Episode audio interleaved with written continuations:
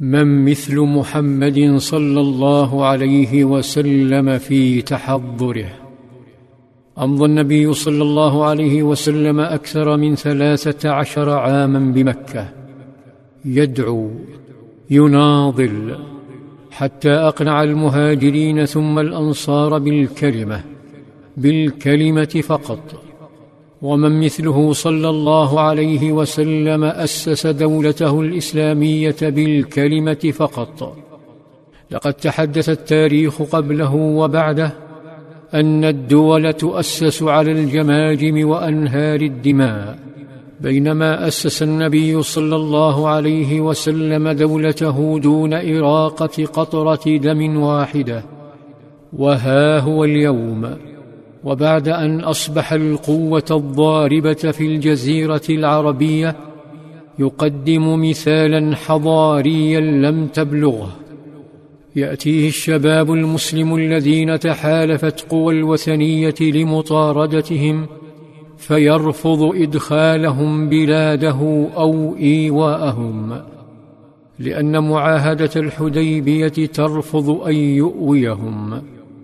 كان بإمكانه صلى الله عليه وسلم أن يخفيهم وينكر وجودهم لكنه صلى الله عليه وسلم لم يفعل لأنه نبي ولأنه قائد فذ يتعامل مع الآخرين بأخلاقه لا بأخلاقهم. ولو عاملهم معاملة المثل بالمثل لما بقي يهودي واحد على قيد الحياة ولكان الآن يطوف بمكة رغم أنوف طغاة المشركين. إذا فما هي سنته صلى الله عليه وسلم في هذا المشهد الجديد الخطير الذي نشأ على ساحل البحر؟ أبو بصير وجماعته. ما حكمه صلى الله عليه وسلم فيهم.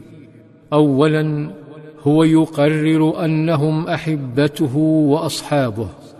ثانيا لديه دولة ذات نظام ومكتسبات ولها معاهدات وعقود وعليها التزامات وفيها شعب لا يمكن المقامرة بهم مهما كان الثمن. ثالثا هناك أعداء بادروه بقتل أصحابه وخانوه وحاصروه هم الذين بدأوا لا هو وإلا فما مبرر اليهود لخيانته وهو الذي احترمهم وأحب موافقتهم ولاطفهم. هذا الصنف من الأعداء الشرسين لا يوقف شرهم سوى المعاهدات أو السيف.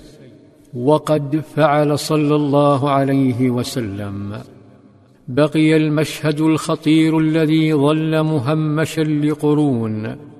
تتناوله العواطف ويحكمه الحماس. رغم وجود سيرة النبي صلى الله عليه وسلم التي تكفي لعلاجه. سيرته المتحضرة الراقية التي لم يبلغ رقيها أحد قبله أو بعده في تعامله مع أعدائه.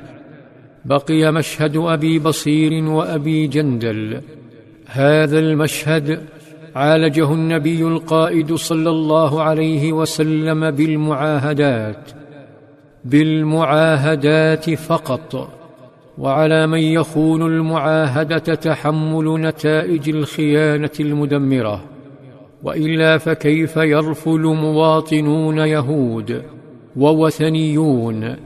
كيف يرفلون بالأمن تحت حماية دولته؟ وفتيان الإسلام مشردون على السواحل. المعاهدات هي الحل حتى لهؤلاء الشباب. ما بعد الحديبية فجر معركة مرعبة. معركة صنعها طواغيت قريش دون أن يحسبوا حسابها. هم من أججها وهم من حدد أطرافها وهم من حيد الدولة الإسلامية عن الدخول فيها. وأخيرا هم من أرغم أولئك الشباب على ترك حياتهم الطبيعية وحمل السلاح ضدهم لذا اكتوى طواغيت قريش بنارهم. نار أشغلت قريشا عن الحياة وجعلت الدولة الإسلامية تتفرغ لاستقبال البناه والمبدعين كهذا المبدع اليماني الذي تطرب الدنيا لسماع اسمه.